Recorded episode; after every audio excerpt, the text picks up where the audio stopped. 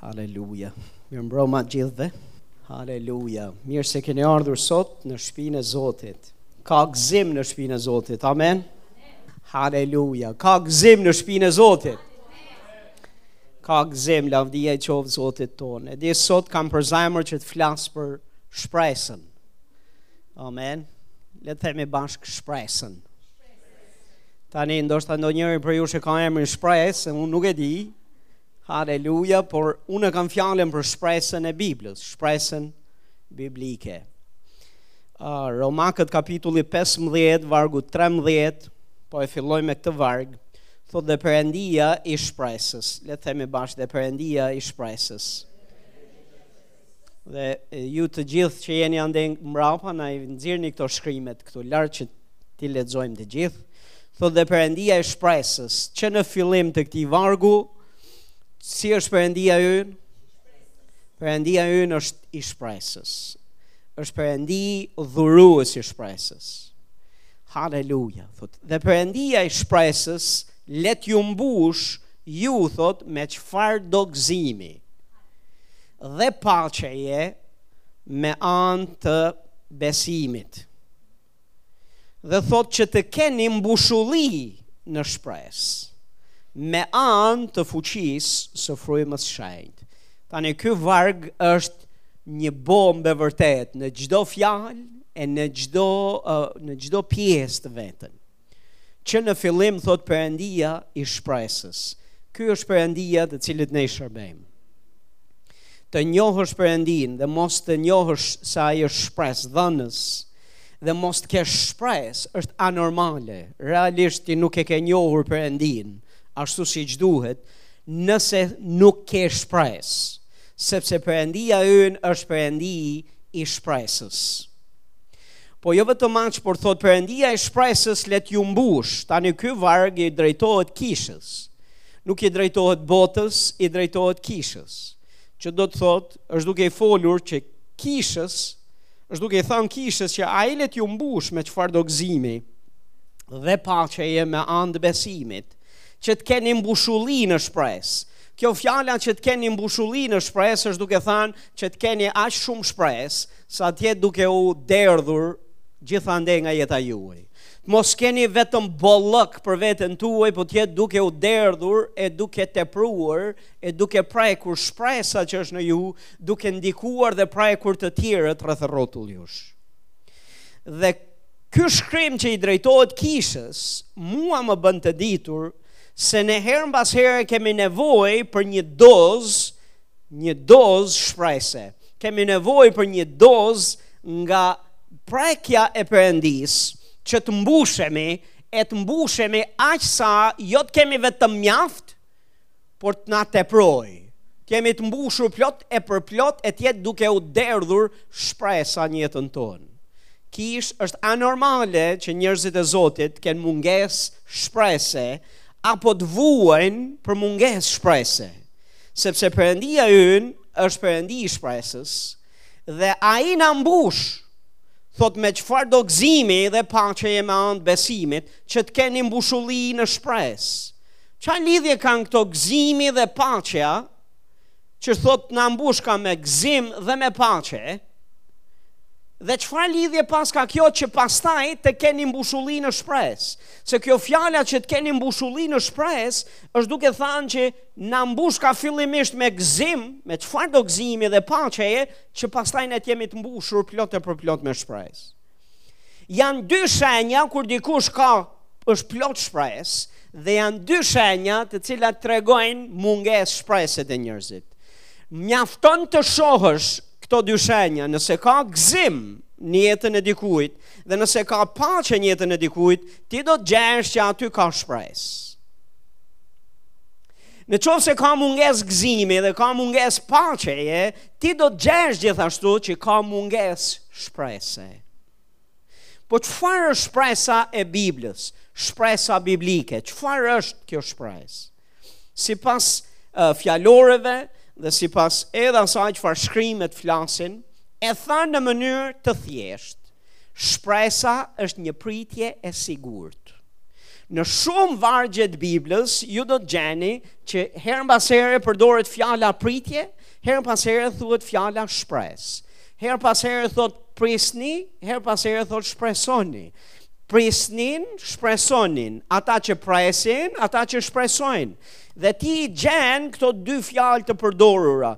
Po kjo lloj pritje për të cilën është duke folur, pritja e Biblës ose shpresa është një pritje, jo një pritje e e e pasigurt, po është një pritje e sigurt. Një pritje që ka bindje të thellë se ajo çfarë po pret do të bëhet. Pastor po po besimi a nuk është prit, a nuk është gjithashtu siguri dhe bindje, po pastor, por besimi pa shpresën nuk mund të ketë besim. Besimi nis aty ku ka shpresë. Sepse Hebrenjve kapitulli 11, vargu 1 na thotë, dhe besimi, tani thotë, besimi është siguria e gjërave që, është siguria e gjërave që, po që të kesh besim, fillimisht ke nevojë për shpresë. Ke nevojë për këtë pritjen e sigurt, për këtë pritjen e sigurt. Dhe Perëndia dëshiron të na mbush ne me pritje të sigurt, do të na mbush ne me shpresë aq sa të jemi plot e përplot me pritshmëri të mëdha. Me pritshmëri për atë çfarë Perëndia është edhe do të bëjë në jetën tonë. Perëndia ynë, që është Perëndi i shpresës, le t'ju mbush thotë me çfarëdo gëzimi dhe paqeje. Lehtësisht mund dallosh dikë që i mungon shpresa. Sepse ti do të shohësh se janë të trishtuar. Ti do të shohësh se janë të torturuar në mendjen e tyre. Njerëzit që kanë mungesë shprese, tani bota ka arsye për qenë në mungesë shprese, dhe lehtësisht ti mund të dallosh njerëz të stresuar, njerëz të depresionuar, njerëz që duan të vrasin veten, njerëz të cilët janë, janë vazhdimisht në torturë dhe në mungesë prehje dhe paqe për shpirtin e tyre. Tani kjo është normale për njerëzit që nuk besojnë tek Perëndia ynë, që nuk besojnë te Jezusi. Nuk po them se është normale gjendja e tyre, edhe ne e dëshirojmë, por është normale që të ketë këtë lloj rezultati kur ti je pa Perëndinë. Po nuk është normale që e njëjta gjë të jetë në kishë, që e njëjti efekt dhe njëjti e njëjta gjë të jetë në në në tufën e Zotit. Mes fëmijëve të Zotit, sepse Perëndia të cilit ne i shërbejmë është Perëndi i shpresës dhe ai dëshiron të na mbush me çdo me me, me çfarëdo gëzimi dhe paqeje me anë të besimit dhe thotë që të kemi mbushulli në në shpresë. Po nuk e le vetëm me aq, ky vargu këtu, të cilin do na e nxjerrin edhe një herë këta vëllezërit,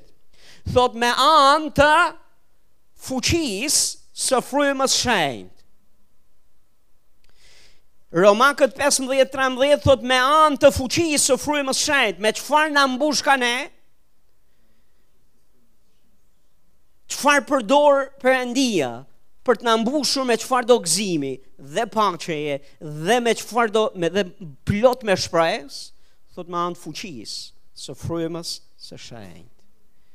Hej, Perëndia çliron fuqinë e vet meqë ra fjala, kjo fuqi është prezente sot në këtë shërbesë, është në këtë kishë. Thashë, kjo fuqi e frymës së Zotit është këtu sot.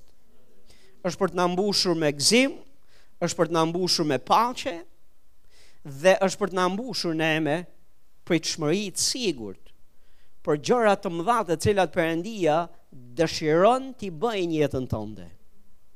Haleluja, me anë jo të fjalëve, po me anë të fuqisë. Jo me anë fjalësh, po me anë të fuqisë, të frymës shenjtë. Njërë Zotit një fjalë nga fryma e Zotit. Dhe ty zgjohet gëzimi yt, e zgjohet paqja jote, e ti mbushesh plot e për plot me shpresë. Haleluja! Një fjalë prej Zotit, sepse fjala që del prej frymës shenjt nuk është fjalë njeriu. Fjalët që burojnë nga fryma e shenjt janë fjalë të frymëzuara dhe janë plot me fuqinë e Perëndisë. Mbartin fuqi, nuk janë fjalë njerëzish. Fjala që del nga fryma e shenjt është fjalë jetë ndryshuese. Po gjithashtu një prekje prej frymës shenjt. dhe shpresa kthehet. Një prekje prej frymës shenjt dhe gëzimi kthehet. Dhe paqja vjen. Një prekje, një një vizitë e Perëndisë. Një prekje e tij dhe jeta jonë akordohet dhe vjen përsëri në vete. E di, ne ecim në jetë edhe shumë herë ndodhin gjëra Na ndodhin situata, na ndodhin vështirësi, kemi beteja mendje, kemi gjëra të pazgjidhshme, dhe nganjëherë kemi hyrë në atë vorbullën e shqetësimeve të jetës, e ngarkesave të jetës, dhe na është vjedhur, nuk e kuptojmë, po na është vjedhur gëzimi, na është vjedhur paqja, dhe disi na ka humbur pritshmëria, se diçka e mirë është përpara meje dhe Perëndia e ka për mua. Po kur Perëndia të riviziton, të prek me anë të fuqisë tij. Ho, ho, ho, haleluja. Thashë kur fryma e shenjtë me fuqinë e vet të prek ty, të rikthen jetën përsëri në ekuilibër. Kur ai të flet ty, haleluja, ai ta rikthen gëzimin, ai ta rikthen paqen, dhe, dhe të sjell përsëri sigurinë se çdo gjë do të jetë, do të jetë në rregull. Haleluja, është Zoti ynë i mirë, e di mbaj mend ka qenë një periudhë kohe, vite më përpara, ku kisha një ndjesi thatësie, edhe një ndjesi zbrazëtie, Edhe më dukej sikur Perëndia ishte kilometra larg, edhe unë isha kilometra larg Zotit. Dhe gjërat nuk po ecnin ashtu siç unë i dëshiroja dhe i kisha parë të rridhnin dhe të ecnin. Dhe mbaj mend që kisha një, një, një, një britmë si, si, si një tokë e shkretë për praninë e Zotit, edhe për zërin e Perëndisë. Dhe nuk e harroj vendin e vizitës të Zotit, sepse kam qenë në dajt në atë periudhë, në atë kohë, edhe isha në, isha në vetminë time, duhet prisja diçka edhe, po ecja nëpër rrugë, isha vetëm unë, edhe isha duke kërku Zotin, po, sa më shumë që e kërkoja, më shumë më dukej sikur ishte, ishin vetëm fjalë, që më dukeshin që s'po i dëgjonte askush. Më kjo ishte ndjesia që kisha, sepse kisha hyrë në atë vorbullën e mungesës gëzimit, e mungesës kisha humbur paqen, dhe më dukej thashë se isha në një gjendje jo të mirë. Mirëpo Perëndia ynë është i mrekullueshëm që ai mund të përdorë vetë buzët e tua, mund të të përdorë thashë vetë buzët e tua për të folur një fjalë e cila ty ta ndryshon jetën. Dhe ndërkohë që po kërkoja Zotin dhe më dukej sikur çdo gjë nuk po shkonte ashtu siç duhet, fillova të them këto fjalë. Dhe thashë, "O Ati im në qiell. Sikur babai im ta dinte sot se sa shumë vuaj. Babai im fizik. Ai që e kam në atë periudhë kohe e kisha në shtratin e sëmundjes dhe ishte duke luftu për jetën e vet. Dhe thashë në qoftë se ai do e dinte Që djali i vet sot është duke vujt Dhe ka këtë gjendje Dhe do të dëgjonte thirrjen e britmën time që unë kam nevojë për ty Thashë ai do të çohej edhe nga shtrati i vet E do të vinte deri këtu që të më jepte një përqafim E kur unë i thashë këto fjalë Prania e Zotit erdhi fuqishëm mbi mua, sepse menjëherë më erdhi fjala që Zoti thotë, sa më tepër Ati juaj që është në qiell di t'u japë dhurata të mira fëmijëve të tij, kur ia kërkojnë atij. Dhe kur e dëgjova këtë fjalë në frymën time, jeta ime erdhi në ekuilibër përsëri. Thashë m'u rikthy jeta. M'u rikthy gëzimi. U riktheva në këmbë përsëri. Dhe thashë, wow.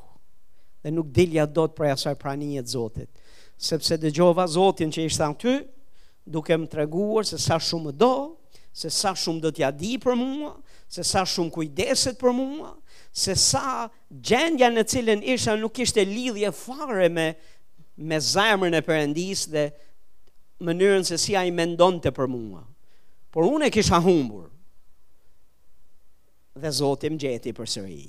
Thashë një prekje prej fuqisë Zotit, një prekje prej fjalës tij. Haleluja, dhe jeta jote kthehet në ekuilibër. Dhe ekuilibër për besimtarin, Nuk është mungesa e gëzimit, mungesa e paqes dhe aq më keq mungesa e shpresës. Perëndia i do fëmijët e vet të ekuilibruar. Haleluja, të ekuilibruar, plot gëzim, plot me paqe dhe plot të mbushur plot plot me pritje të sigurt. Haleluja, për gjërat e mëdha që Perëndia ka, ka folur dhe ka për ne. Në zemrën e tij të përgatitur para themelimit të botës për ne. Plot me shpresë. Kështu ne jemi të ekuilibruar. Dhe nuk është normale që të na vidhet. I ligu është mbas vjedhjes së shpresës. Është mbas vjedhjes gëzimit. Është mbas vjedhjes paqes. Ai është vjedhës në natyrë. Natyra e tij është e tillë. Ai përpiqet të ngrejë situata, të sjellë rrethana, përpiqet të të bombardojë me mendime, që kanë mungesë rrugëdalje, mungesë zgjidhje dhe mungesë shprese.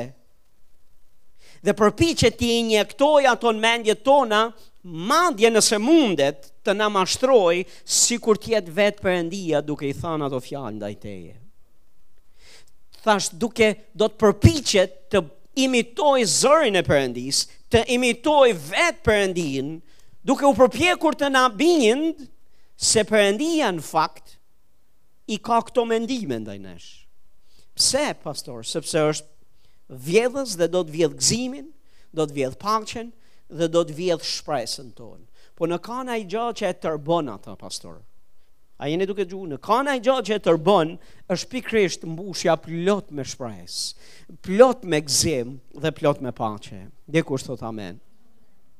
E di nuk e harroj uh, vite më përpara gjithashtu, uh, diku nga vitet 2000 besoj, në kohën e kosovarëve, na kishin ardhur disa misionarë nga jashtë Shqipërie, dhe kishin ardhur për të vizituar Shqipërinë, për të vizituar Kosovën, për të qenë ndihmë.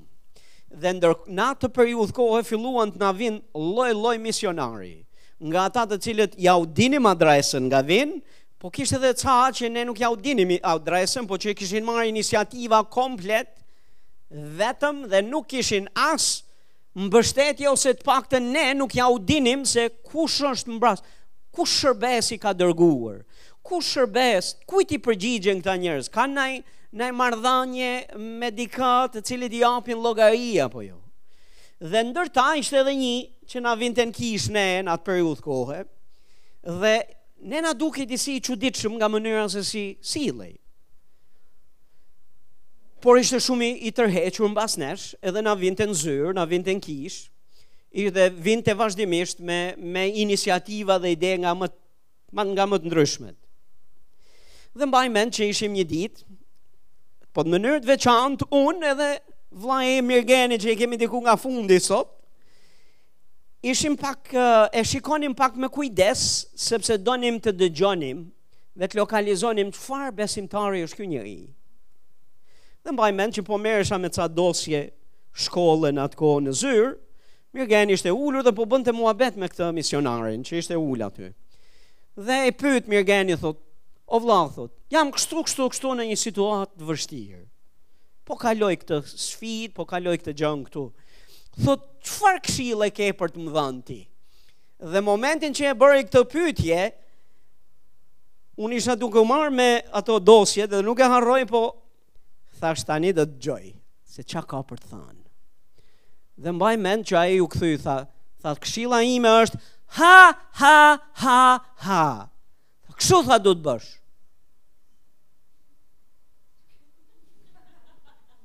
Thash, tani u vërtetua që ky njeri, ky njeri qenka misionar nga ata vërtet të çuditshmit. Mirgeni pyeti edhe një herë mos gaboj. Çfarë the? Si? Ai tha, ha ha ha ha. ha. Duhet qeshësh. Duhet gëzohesh në mes kësaj situate.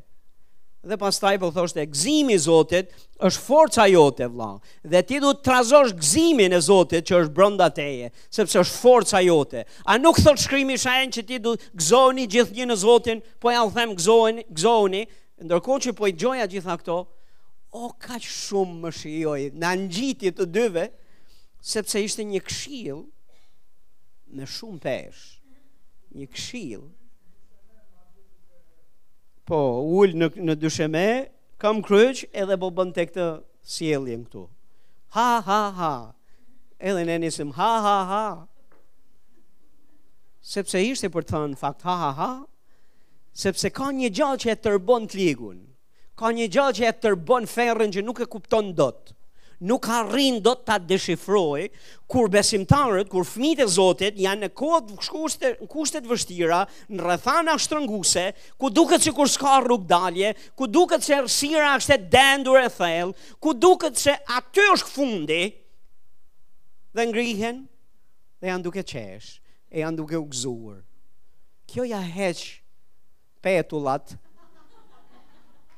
të ligut, ia heq mendjen. Pse sepse nuk arrin dot ta kuptojë se nga buron, nga buron ky gëzim, nga buron kjo paqe, nga buron e gjitha kjo.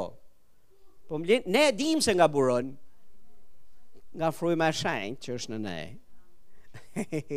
Thashë nga fryma e shenjtë që është në ne. Thashë nga fryma e shenjtë që është në ne. Haleluja, thashë nga fryma e shenjtë që është në ne. Edhe Jezusi ishte në fundin e shërbesës tij. dhe në fund shërbesës tij, situata ishte shumë dëshpëruese në të natyrshmen. Kishte kaluar gjithë atë kohë me 12-ët po kalonte ato momentet e fundit,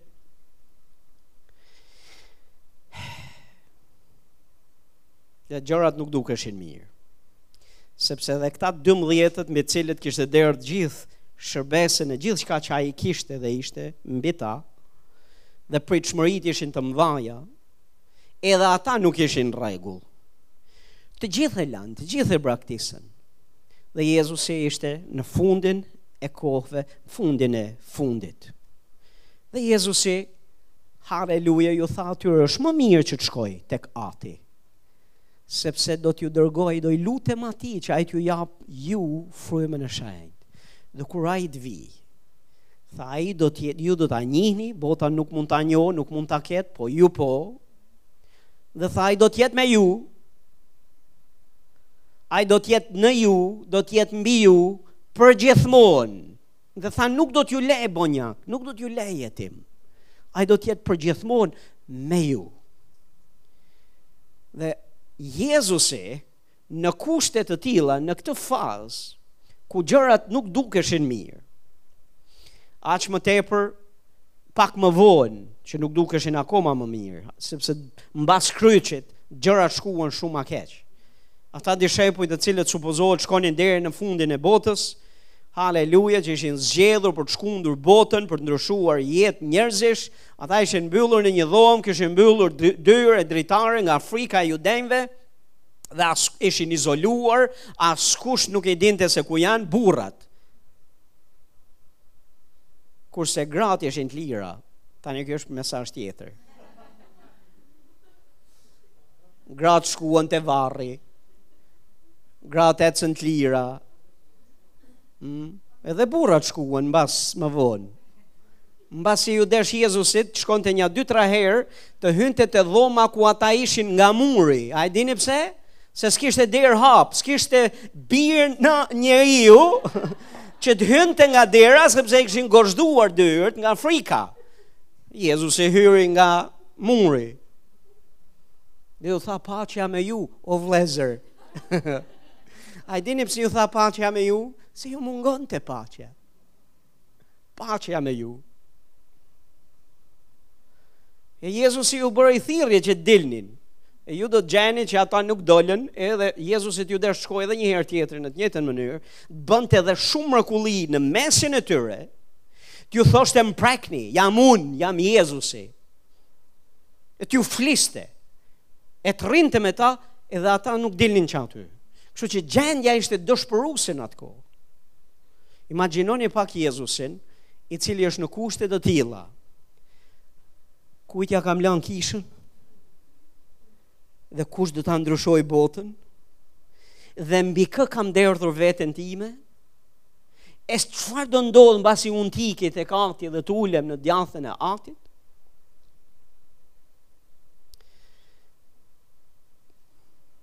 Haleluja, por Jezusi nuk e dyshoi kurrë një gjë, aftësinë e frymës së shenjtë për të transformuar jetën e këtyre 12-ve e jetën e gjithë atyre të tjerëve të cilët do të vinin nga impakti dhe ndikimi i këtyre dishepujve. Efekti i frymës shenjtë. Kishë e Zotit, a di çfarë më bën mua si pastor që të kem shpresë se kjo kishë do të ketë mbarësi e sukses e do t'ia dalë se Shqipëria do të thirret me emrin e Zotit, se ky vend do të ndryshojë, se jetët tona do të ndryshojnë dhe jetët e njerëzve do të ndryshojnë. Pastor, nuk je ti me gjithë talentet e tua dhe mençurinë e zgjuarsinë e aftësinë tënde. As të miat dhe as tonat së bashku të shumëzuara me, me sa të duash ti. Shpresa jonë është tek fuqia e frymës shenjtë. Edhe tek perëndia që na zgjodhi ai, nuk e zgjodhëm ne atë, na zgjodhi ai ne, kështu siç jemi. Haleluja, po pastor, po unë jam i dobët, unë jam e dobët, pastor akoma ma mirë. Në je i dobët, pastor, kualifikohesh. Për perëndinë, kualifikohesh. Sepse Ai zgjedh edhe të dobëtit, edhe ata që s'janë fisnikë, edhe ata që janë të përçmuar nga njerëzit e nga kjo botë, dhe ata që duket se s'kanë gjitha gjërat që do i duheshin një njeriu të plotësuar. Edhe po të pyesësh shumicën e njerëzve, shumica e njerëzve kanë këtë mendësi. i plotësuar i plotësuar e plotësuar është ajo ai plot i plotësuar është ai që është duke fol me mikrofon sot po më dëgjoni këtë që është duke fol me mikrofon sot dhe t'ju them që ky këtu nuk e di se ça bën që ka marr mikrofonin në dorë si për nga aftësia ime po flas për nga aftësia ime Po di këtë gjë që lavdia i takon Perëndisë dhe frymës shenjtë që ka vendos dorën e vet edhe mbi një si puna ime. Dhe më besoni nëse ka vënë dorën e vet mbi një si puna ime. Haleluja, Zoti nuk e ka problem ta vë edhe mbi dikë si puna jote. Dhe të ta transformojë jetën përgjithmonë. Perëndia e shpresës, t'ju mbush thotë, le t'ju mbush.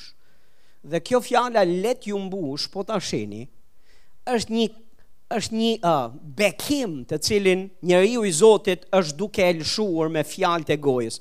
Ai nuk është duke folur fjalë klishe. Ai është realisht duke bërë një lutje në të njëjtën kohë dhe është duke bërë një shpallje, është duke folur diçka në botën frymore. Është duke çliruar në botën frymore një fjalë që ka pritshmërinë e besimit se do të bëhet ekzaktësisht siç ka folur. Dhe është duke thënë ai le t'ju mbush. Me çfarë do gëzimi? Paqe jetë besim, paqe me anë të besimit, thotë që ju pastaj të keni mbushulli në shpresë. Oh, haleluja, është Zoti ynë i mirë. Thashë është anormale që kisha e Zotit ketë mungesë shprese. Kolosianët një vargu 27 thotë të cilëve Perëndia deshi t'ua bëjë të njohur, cilat janë pasuritë e lavdisë së këtij misteri ndër johebrenjtë, thotë që është Krishti në ju, Shpresë lavdie. Ky është mister. Ky është një mister i fshehur, që është mbajtur i fshehur. është një mister i jashtëzakonshëm, është një nga ato perla, është një nga ato thesare, të cilat sot e kësaj ne i marrim i dëgjojmë, por shumica prej nesh nuk e ka të njëjtën të njëjtë për ne shumicën prej nesh nuk e ka të njëjtën peshë sa që ka edhe kishte për dëgjuesit e asaj periudhe kohe, për judenjtë e për hebrenjtë, të cilët e dinin se çfarë është duke fol. Krishti në ju. Për ata, kjo gjëja këtu ishte baraz me blasfemi. A jeni këtu apo jo? Baraz me blasfemi, ça je duke thënë? Krishti në ty. Kurse për ne, të kohëve tanishme, e kupton shumicën prej nesh, kjo fjala Krishti në ne, shpresë lavdie, është ore ore lulebore. ka të njëjtën peshë, ka të njëjtin kuptim. Po më leni pak që të flasim pak për këtë, se përderisa është duke thanë të cilëve Perëndia deshi t'jua bëjë të njohur cilat ishin pasuritë e lavdisë së këtij misteri që do të thotë ky mister, është një pasuri lavdie, është një haleluja, është një gjë me peshë të madhe, që nuk duhet marrë lehtas dhe si e zakontë, Dhe thotë Krishti në ne. Ku është Krishti? Ku është? Edhe një herë, ku është? Thash edhe një herë, ku është? është në qiell, pastor. Është i ulur në të djathtën e Atit Perëndi. Po, pastor, shumë e vërtetë, sepse shkrimi na thotë, por më lini t'ju them një atribut të Perëndisë e të Zotit Jezus Krisht. që ai e ka dhe s'mund ta ketë një njeri që ai mund të jetë edhe i ulur në të djathtën e Atit Perëndi, në vendet qiellore, dhe në të njëjtën kohë të jetë në ty. Në të njëjtën kohë të jetë në mua. Dhe në të njëjtën kohë ti që je ulur sot në këto karrige, je i ulur pozicionalisht në Krishtin Jezus në të djathtën e tij. Dhe të gjitha këto janë mistere, të gjitha këto janë zbulesa, janë të vërteta Bible, të cilat nuk rroken nga një mendje njerëzore, mishore, që nuk e njeh natyrën e shkrimit, dhe nuk e ka as frymën e Zotit për t'ia dhanë këtë, për t'ia dhanë këtë zbulesë. Krishti është në ne, dhe nuk është kushdo ky që është në ty. Ai që është në ty është i vajosur i Perëndisë, me vajosjen e tij, që shkatërron çfarëdo lloj zgjedhe dhe largon çfarëdo lloj barre për jetën tënde dhe për jetën e kujtdo me, në cilin, me cilin ti je në kontakt. Krishti në ty dhe kur ai aktivizohet, kur ai hyn në skenë, pastor, ti mund të kesh pritshmëri të sigurt për shfaqjen e lavdisë së tij. Krishti në ty shpresë lavdie. Mungesë shprese, e pamundur të të mungojë shpresa kur ti ke autorin e shpresës. Ke autorin e lavdisë i cili banon brënda teje. Është brënda teje, pastor.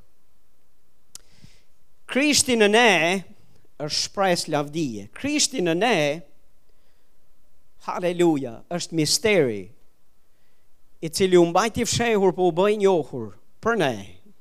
Dhe thotë, haleluja, pasuritë e këtij misteri, pasuritë e lavdisë së këtij misteri janë të mdha. Krishti sot është brënda nesh. Çdo gjë që Krishti është i njëjtë dje, sot dhe përgjithmonë.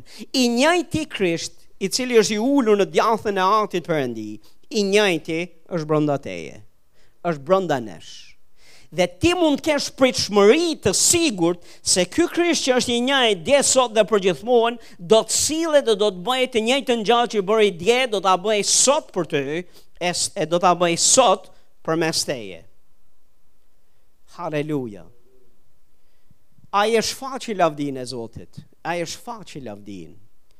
Kur ai ishte vetë fizikisht. Kur ai shfaqet në jetën tënde dhe përmes teje, lavdia e Zotit shfaqet. Fuqia e Zotit shfaqet. Thashë Krishti në ty. Krishti është shërusi i çdo smundje. Krishti është ai që largon varfërinë. largon dhimbjet, largon stresin, largon shtypjen, largon burgosjen, thyen prangat dhe zinxhirët. Krishti është ai i cili shkoi kudo duke bërë mirë dhe duke shëruar të gjithë ata që ishin pushtuar nga djalli. Krishti është është ai që me gishtin e vogël të Perëndisë bëri që të dridheshin demonët dhe dëbohëshin e t'i linin njerëzit e lirë. Ky Jezus, ky Krisht, është brenda teje. Haleluja. Thashë është brenda teje. Jeremia 29, vargu 11, sepse unë thotë Perëndia, i njoh mendimet që kam për ju. Thotë Zoti, mendime paqeje dhe jo të së keqes, për t'ju dhënë thotë një të ardhme dhe një shpresë. Unë i njoh thotë mendimet që kam për ju, thotë Zoti. Domethënë paska mendime Perëndia. Dhe shkrimi na thotë mendimet e tij janë më të larta se tonat. Janë më të mdhaja se tonat. Në qoftë se ti ke mendime t'mira për veten tande dhe e shfryn fantazinë tande për të menduar mirë për vete, Perëndia ka mendime ma të larta se tuat.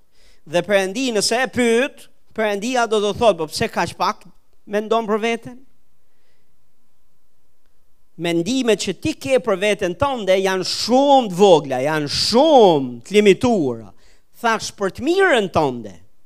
Perëndia ka mendime shumë më të larta, shumë më të mëdha për ne. Dhe thotë unë i njoh ato mendime që kam për ju. Që do të thotë Perëndia mendon për ty. Sa prej jush keni mendu se askush nuk mendon për ty? Hmm? Ka ra najherë nëpër mend? Që askush nuk e ka mendjen te ti? Ça po kalon ti? Ça ndjen ti? Si po shkon jeta jote? A thua si do të jetë e nesërmja jote? Duket sikur Ka edhe njerëz të cilët ti i do shumë, duket sikur e kanë mendjen dhe mendojnë vetëm për veten e vet dhe ka plot besimtarë, ka plot motra, ka plot vëllezër, të cilët mendojnë dhe ulen të dëshpëruar sepse kanë këtë mendësinë se askush nuk mendon për ta. Më lër të të them, Perëndia ynë ka mendime për ty, ai mendon për ty. Nëse askush s'mendon për ty, ai mendon për ty. Ai mendon për gjendjen tande, ai mendon për të ardhmen tande, ai mendon për tashmen tande, ai mendon për çfarë je duke kaluar ti dhe mendimet e tij nuk janë të këqija. Dhe mendimet e tij nuk janë për të ta trazuar jetën ty, për të ta bërë jetën tande ferr e të mërzitshme. Mendimet e tij janë për të dhënë ty paqe dhe mendimet e tij janë të mira ndaj teje. dhe thotë për të të dhënë ty një të ardhme dhe një shpresë. A e dini se të ardhmen tonë, besimtari duhet të jetë i gëzuar dhe i qetë për të ardhmen. Në ka një njeri që duhet të jetë i sigurt dhe i qetë për të ardhmen, besimtari duhet të jetë. Tani ne jetojmë në një në kohë shumë të pasigurta. Jetojmë në kohë shumë të trazuara. Në kohë befasirash të mëdha, e tragjedirash të mëdha. Hap lajme, takohesh me njerëz, shikon realitetin në botën fizike, gjëra që janë duke ndodhur dhe duket se jetojmë në kohëra të trazuara dhe në ujëra të trazuara. Po e dini se çfarë thotë shkrimi i shenjtë? Thotë dhe Perëndia, që ringjalli Krishtin prej së vdekurish, e nënshtroi nën këmbët e tij, principata pushtete, fuqi e zotërime, në këtë epokë dhe në atë të ardhmen. E keni vënë re këtë fjalë në të ardhmen, po e lexoja një ditë dhe e nënvizova, dhe po i thoja satan e shef, edhe në të ardhmen, Edhe në këtë kohë, edhe në të ardhmen, ky emër dhe ky Jezus vazhdon të jetë në fron dhe ti je poshtë këmbëve të kishës, je poshtë këmbëve të mia, je poshtë këmbëve të Zotit Jezus Krisht. Dhe kështu do të jesh, kështu ke qenë, kështu do të jesh edhe në të ardhmen. Sepse Jezusi e Perëndia ynë ka siguruar për gjithë kohrat. Kështu që ne s'ka pse na lëshon zemra, kur shohim gjëra të kësaj natyre. Ne s'kemi pse të jemi të pasigurt për të nesërmen kur dëgjojmë dhe shohim rrethana dhe situata të tilla dëshpëruese në të natyrshmen, sepse për ne ka menduar dikush. Ka menduar Perëndia dhe ka menduar për paqen tonë dhe ka menduar për të mirën tonë. Dhe ka menduar pastor që të kemi ne një të ardhme të mirë, një të nesër me të mirë, një të nesër me të mirë. Dhe të kemi shpresë. Dhe kjo fjala të kemi dhe të kemi një shpresë, është duke thënë që ne të kemi pritshmëri të sigurt, bindje të sigurt që këto kjo e ardhme që Perëndia ka, që këto mendime do të vijnë. Haleluja. Vite më përpara, um, në 97-ën, në 97-ën, nja dy ditë a tre ditë përpara se të hapeshin depot dhe të, të bëhej ajo që ka ndodhur në Shqipëri. Në atë kohë unë u gjenda pa shpi dhe isha duke kërkuar për një shpi me qera. Edhe po kërkoja, po kërkoja, kisha 80.000 lekë të vjetra në xhep, s'kisha ma tepër. Dhe ato ishte një super sakrificë dhe të ardhurat e mia mujore nuk e kalonin 80-90.000 lekë në muaj. Dhe dola të kërkoj për shpi me qera, lajmet ishin dëshpëruse, sepse qeraja ishte shumë lartë, në krahasim me çfarë kisha në xhep, apo në krahasim me ato çfarë muaj për muaj në të natyrshmen ishin të ardhurat e mija. Dhe mbaj mend që një njeri i tha një prej atyre që Kishte një shpi me qera, tha hajde me mua, tha se kam diku nga rruga e Elbasanit, kam një shpi, 50.000 lek, tha. Është dhomë, guzhinë, e ke edhe një banjo, janë kushte të mira, hajde më tha mua se 50.000 lek është në muaj. E i thash, Zoti siguroi për, për mua. Edhe nisem, hec, hec, e hec, rruga e Elbasanit, hec, e hec, uzina traktori, hec, e hec, tek bunkerat e Dajtit. Hec e hec, shkuam te një shpi, veçse më vinte zor t'i thoja gjatë rrugës mbaroi asfalti, mbarua, mbaroi rruga me gurë, filluam duheshin çizme për, për të ecur më tutje. Shkuam, kur shkuam te, kur Kur thotë ja, thotë kjo shpia. Një herë pash, pash ca, ca shpia të bukura aty përreth, thash, wow, te ndonjëra prej këtyre me siguri. Kur tha, është ajo atje. Dhe kur shof atë atje, ishte një shpi e rrethuar, i kishte të mbuluara me plasmas dy, ato, gjan, dritaret. Ishte e pasuvatuar, Ishte një shpi copë-copë. Thash jo, s'ka mundësi. Thash do shkoj ta shoh për kuriozitet, me siguri kur të hyjmë brenda do të shoh nai dhomë të bukur që do të jetë mbrenda që nuk shihet tani, po do të jetë aty. Kur shkoj afrohem, e shoh që ishte absolutisht asgjë. Kjo ishte dho, kjo ishte shpia. Po banjo, banjo ishte nja 20 metra te fundi i arës, po prap i rrethu, i rrethuar me kallamishte dhe me... Ha, tha si t'duket, për 50.000 lek tha ia vlen, apo jo? Thash, uh, isha duke mendu tani, sepse po bohe, po errej gati. si t'i them unë këtij njeriu. Dhe në të natyrshmen isha duke a imagjinoni isha gjithë shpresë rrugës. Dhe thash wow, 50.000 lek, Perëndia i ka dëgju lutjet e mia. Kur unë shkoj atje dhe kur shkova u befasova. Ikëm që atje, Dhe tani eca çik me shpejtësi se thash do më ikin gjithë ata që merren me këtë punë. Shkoj e takoj një tjetër, thot hajde me mua, thot se kam unë thot një vend tjetër, duhet të jetë, ja një 120 mijë lekë e mbaj mend, ishte një dhomë. Tha po është dhomë, tip dhome konvikti. Tha nuk është është është me popullsit, me, me shumë njerëz, po janë kushte të mira. Shkoj, futem, futemi ne, kur shkojmë, shkojmë në një kapanon, që i vinte era e tualeteve, se ishin fund, në fund të godinës, Dhe ishin një 10-15 familje që sa u afrova atje, kishin dalë ata fëmijët te hekurat dhe ishin duke parë kush është duke ardhur. M'u duk vetja si në Somali, thash, po kjo. Futem brenda, s'kishe ku të futeshe brenda. Edhe kjo kësaj radhe, Desh më lëshoi, më lëshoi shpirti.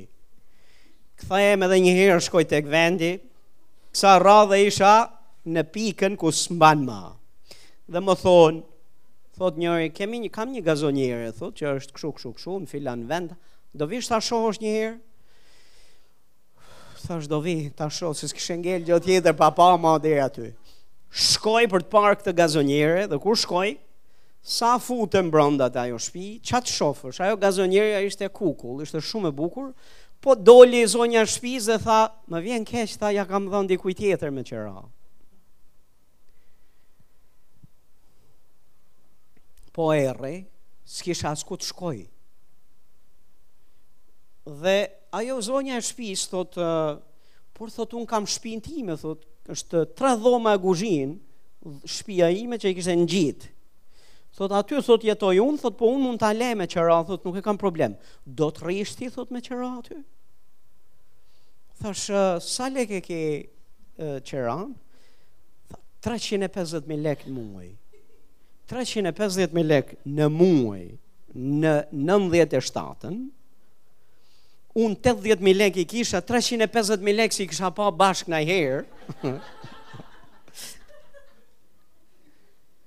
E mbajta veten dhe u solla sikur jam sikur unë nuk e kam problem.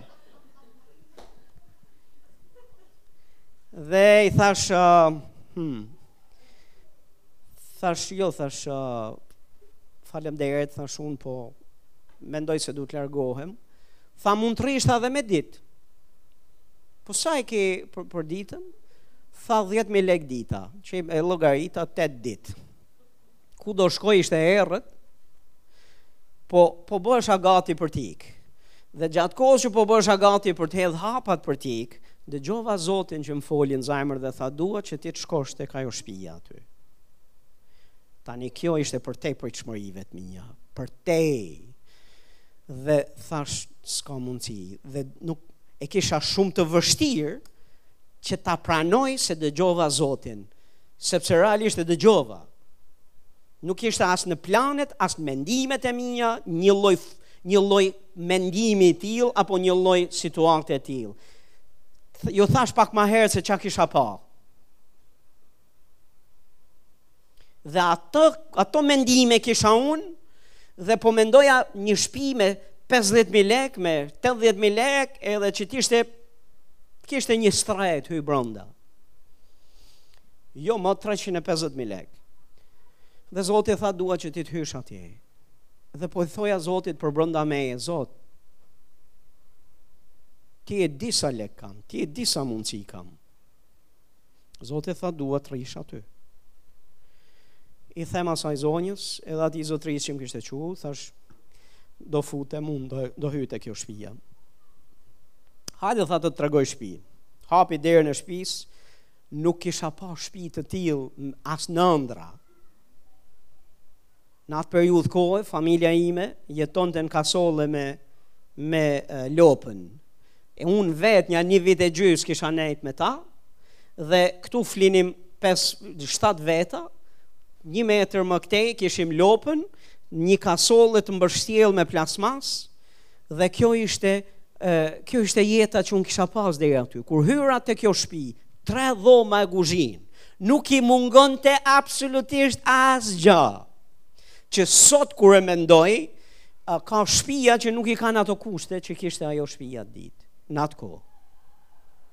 Thash, wow, hyra branda, mbyllën derën ata, ikën ata, unë në gjunjë para Zotit, Zot, a je e sigurt që kjo është shpia? Zoti tha dua që ti të rrish këtu.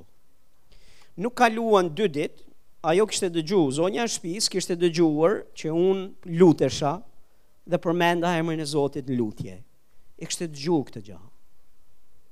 Dhe vjen dhe më pyet, thot, ti beson? Beson tek Perëndia, tha të dëgjova që lutesh. I thash, po, besoj, dhe i predikova ungjillin. Dhe kur i fola për ungjillin, kjo grua hapi veten e saj dhe më tregoj historinë e jetës. Dhe ajo tha, më tregoj kështu, tha, më kanë ikur fmijt, më ka ikur burri në, Aust në Austri. Më kanë ikur në emigrim. Fillim ka shku burri, pastaj me bashkim familjar kanë ikur fëmijt. Të gjithë kanë ikur kanë vite, kurse mua nuk më kanë dhënë vizë, nuk s'i kishte dhënë ambasada vizë. Dhe për shkak të kësaj kishte kaluar në depresion dhe kurohej me ilaçe të forta, depre antidepresion. Dhe ishte e bindur në mendjen e saj që burri i saj ishte ftohur, fëmijët ishin ftohur dhe ajo në mendjen e saj kishte humbur çdo shpresë se mund të bashkohej një ditë me familjen, sepse kishte tentu në çdo lloj forme për të marrë vizë dhe s'kishte pas sukses. Pranoi Jezusin, dhe i fola se si Zoti ynë është Perëndia i shpresës. Është Perëndia që bën një rrugë atje ku duket sikur s'ka dhe është mrekullibërës. Dhe po i tregoja mrekulli pas mrekullie dhe vetëm të shihje pranoi Jezusin dhe vetëm të shihje gëzimin që u kthy, jetën që u kthy tek ajo grua, shpresën që u kthy tek ajo.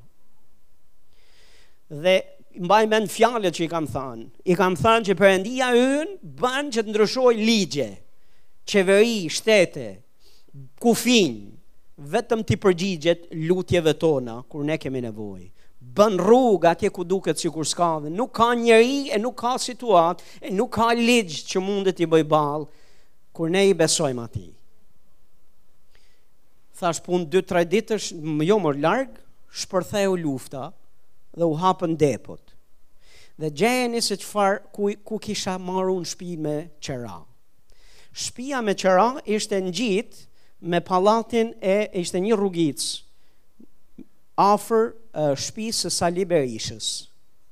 Dhe ne kishim kisha tek dera e shtëpisë, tek porta e shtëpisë, kisha patrullë ushtrie të cilët garda e Republik, Republikës që më shumë ru, më afër meje ishte ishin ata se me thash ne unë isha i sigurt. Kishte, domethën kërcitje armësh, kishte probleme, kishte vrasje. Çfarë s'po ndodhte në atë kohë? Grabitje. Nga më më të çuditshme, ju i mbani mend ato kohë sa të vështira ishin. Unë isha më i sigurt se sa kushdo tjetër. sepse Perëndia ishte siguruar që unë të kem vendin e duhur. Pa kaluar 8 ditë. Mbani mend e kisha mendjen tek sigurimi i Zotit dhe thoja me vete, Zot, ti më ke thënë të rri këtu, po si do si do bëhet ndodh kjo pagesa. Ha, në atë kohë po iknin misionarët nga Shqipëria.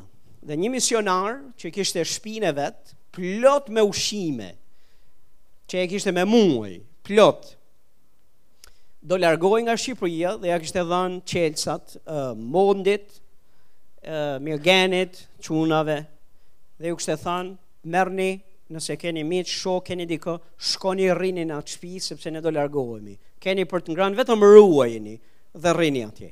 As pagesë, as asgja. Dhe mbaj mend që pastaj u transferova nga aty, dhe shkova atje dhe kemi nejt një periudhë kohe atje nuk na mungonte ushqim, nuk na mungonte absolutisht as gjaja më e vogël. Perëndia u sigurua që të kujdesej për mua në mes kushtesh të pazakonta të tilla. Kishte menduar ai gjëra që unë s'i kisha mendu as në ëndrrat më të çmendura. Gruaja të cilën e drejtova tek Zoti, nja 6-7 muaj më vonë, më pyet thotë a të aplikoj për vizë përsëri, i them, bëje kësaj radhe dhe do të bëjmë, do ta mbuloj me lutje. Ka shkuar, ka bërë aplikimin, mori vizën dhe vetëm të shifnit gzimin e asaj atij njeriu.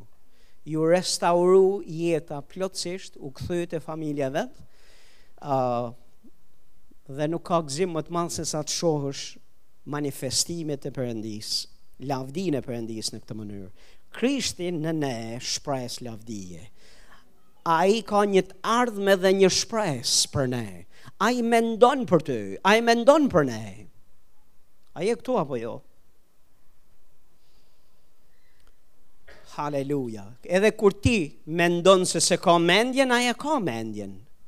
Në shkrimin e shenjtë na flitet për popullin e Izraelit që ishte për 400 vjet në skllavëri. E mbani mend këtë kohë?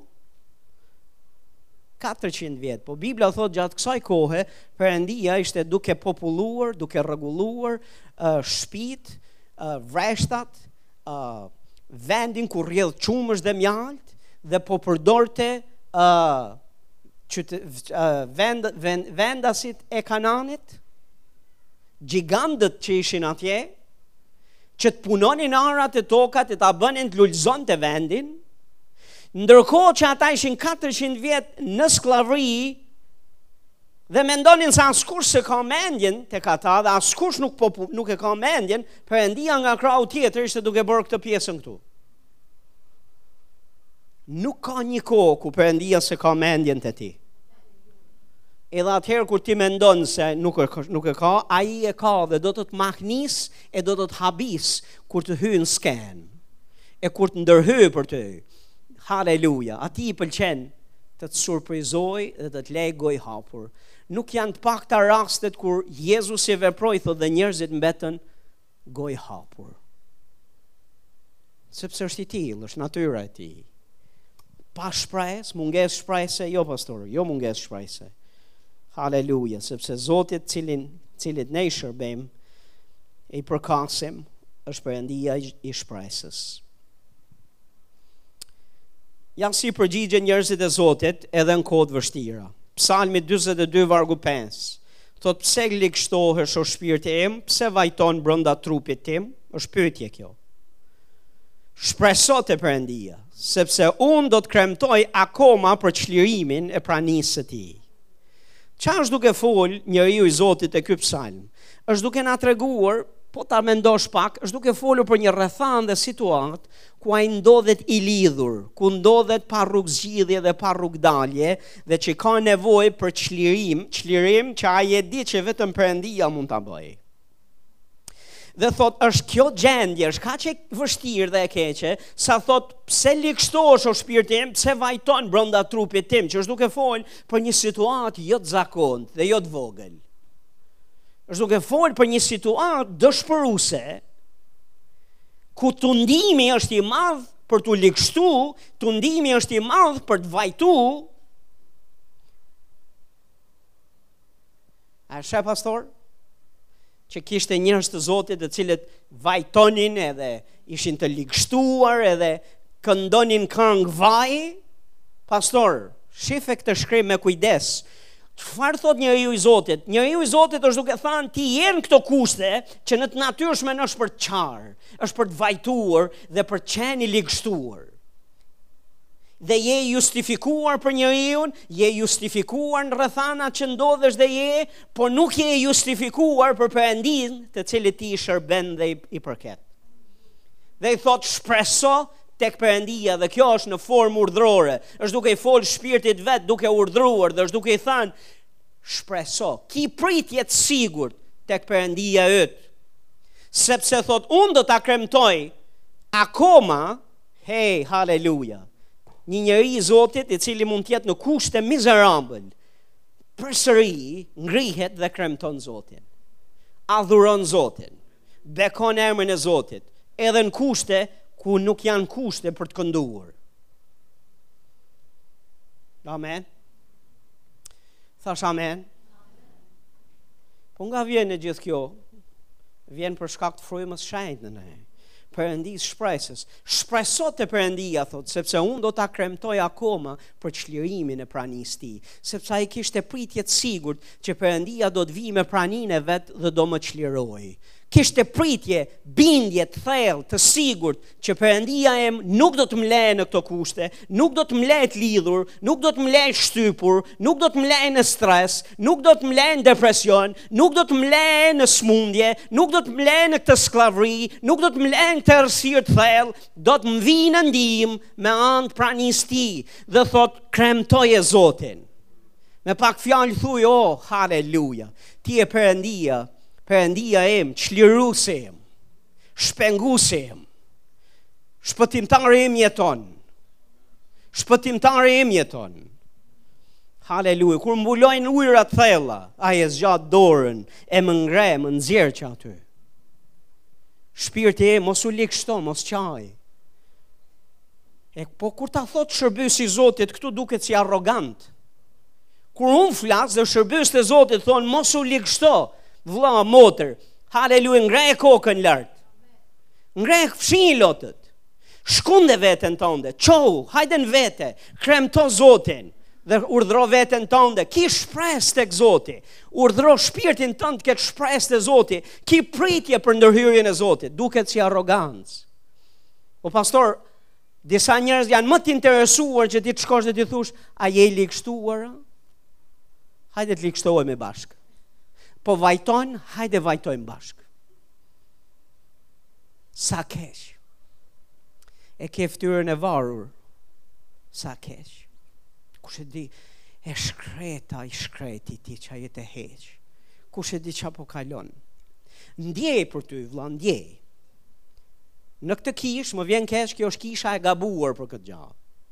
Në qoftë se keni nevojë për këto, ka spital psikiatrik, ka njerëz të psikiatrosur edhe të më falni të uh, diplomuar për këtë punë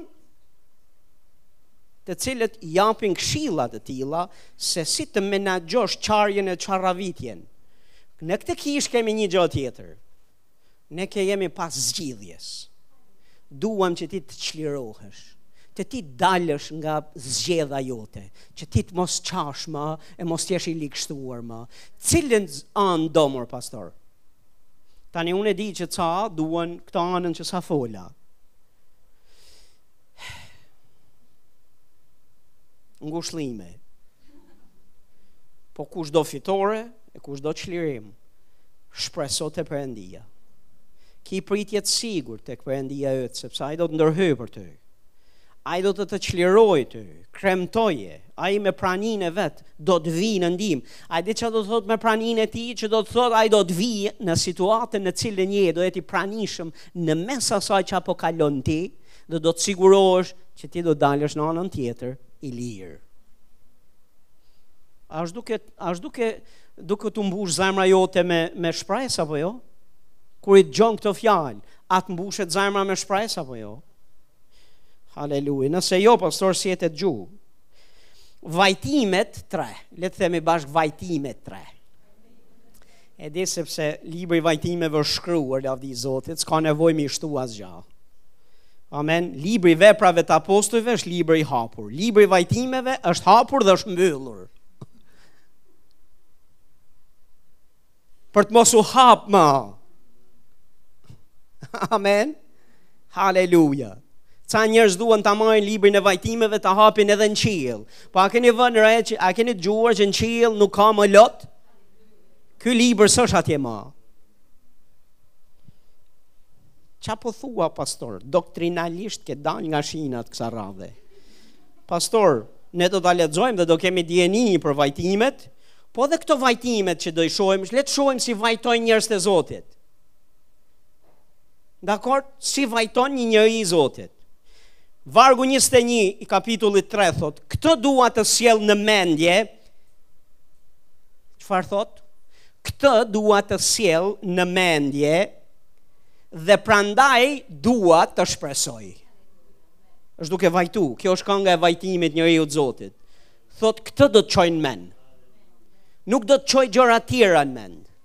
Nuk do të çoj në mend se si do të vdes ashtu siç më kanë thënë doktorët.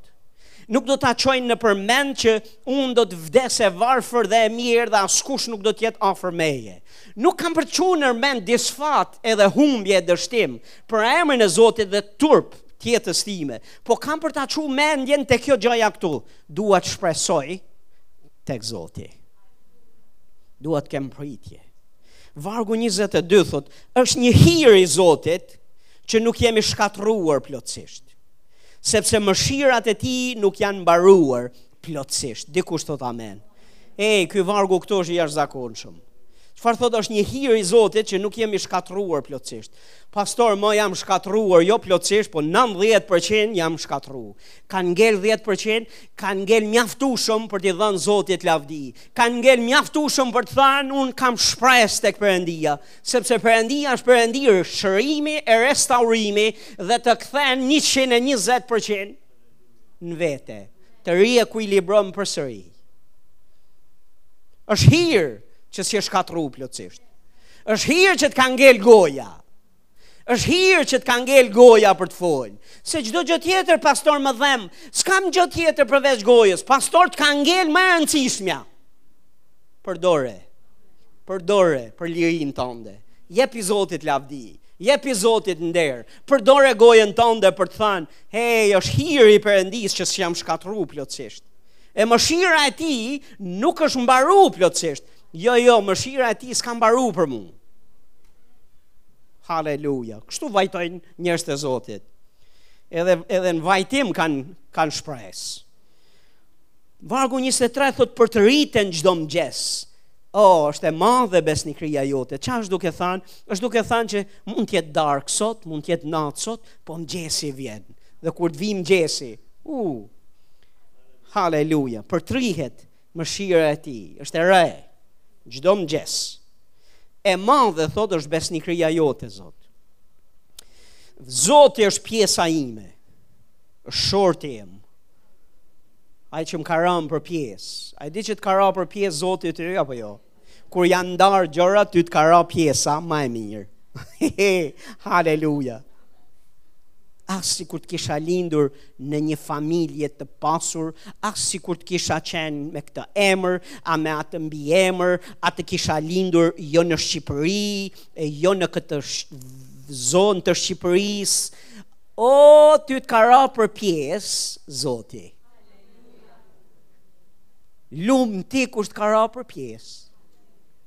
Dhe s'ka nevojë për asnjë pjesë tjetër. Kur ke atë për pjesë, haleluja lum ti. Zoti është pjesa ime, thotë shpirti im. Shpirti yt ça thotë? Ça m'ra për pjesë kjo jetë? Apo më ka ra për pjesë Perëndia? Dhe kur ti ke Perëndinë, Ke gjithçka. Ke gjithçka pastor. Prandaj thotë do të kem shpresë tek ai. Zoti është i mirë me ata që kanë shpresë tek ai, me shpirtin që e kërkon. Zoti është i mirë me ka? Me atë që ka shpresë tek ai. Prandaj ki shpresë pastor.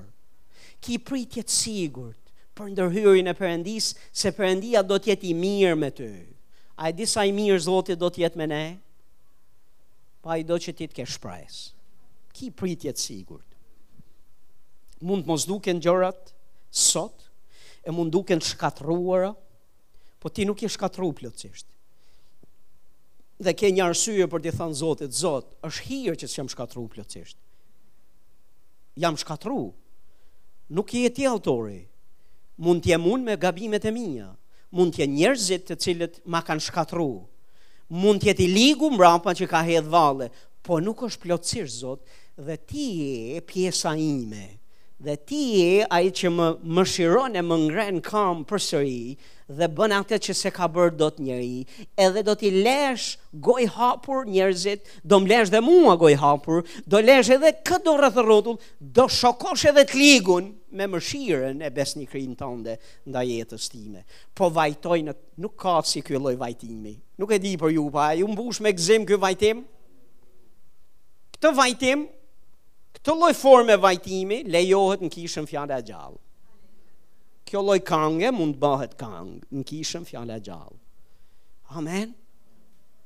Haleluja. Jo do refuzojmë të derdhim pikën e lotit. O njerëz të Zotit, a ka ndonjë zemërim të shenjtë brenda dikujt këtu?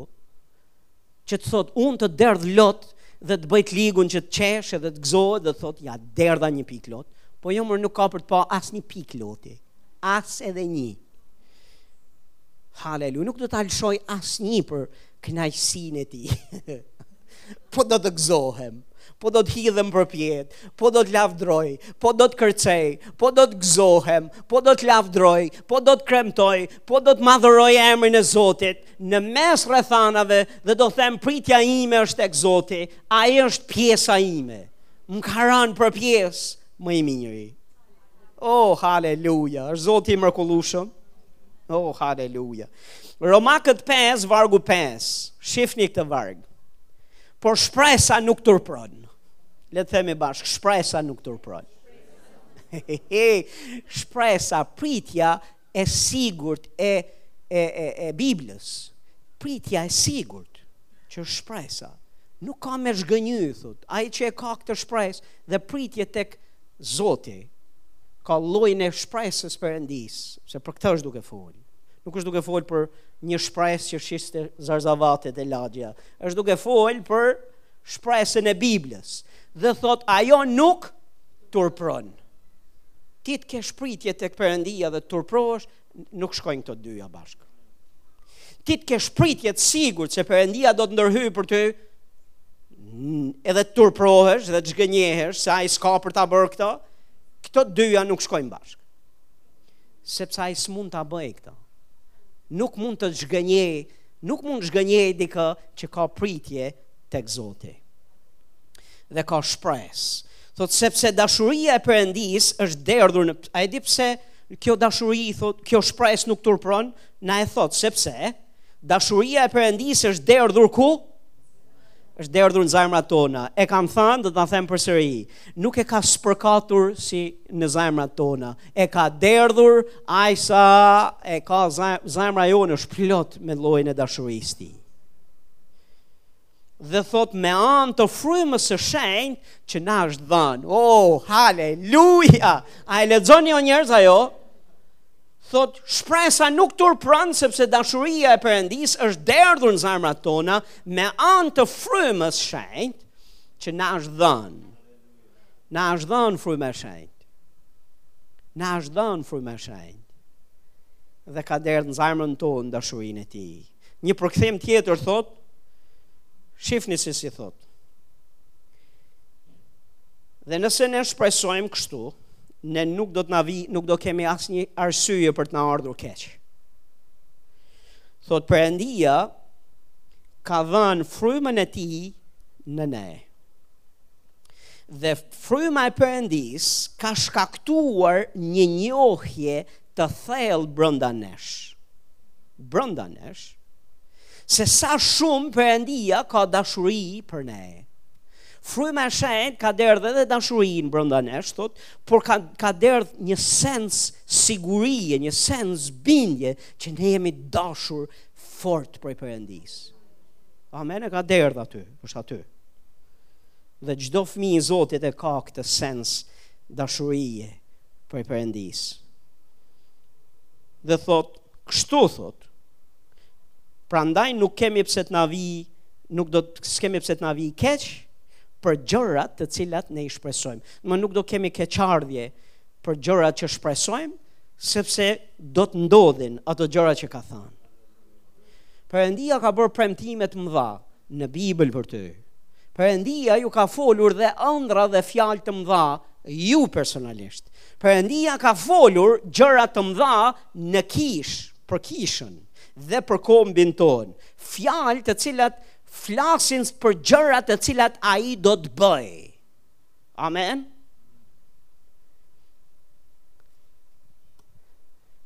Ne kemi pritje të sigurt se do të ndodhë ashtu, sepse ne na është dhënë dhe fryma e shenjtë, ne na është dhënë dhe dashuria e tij.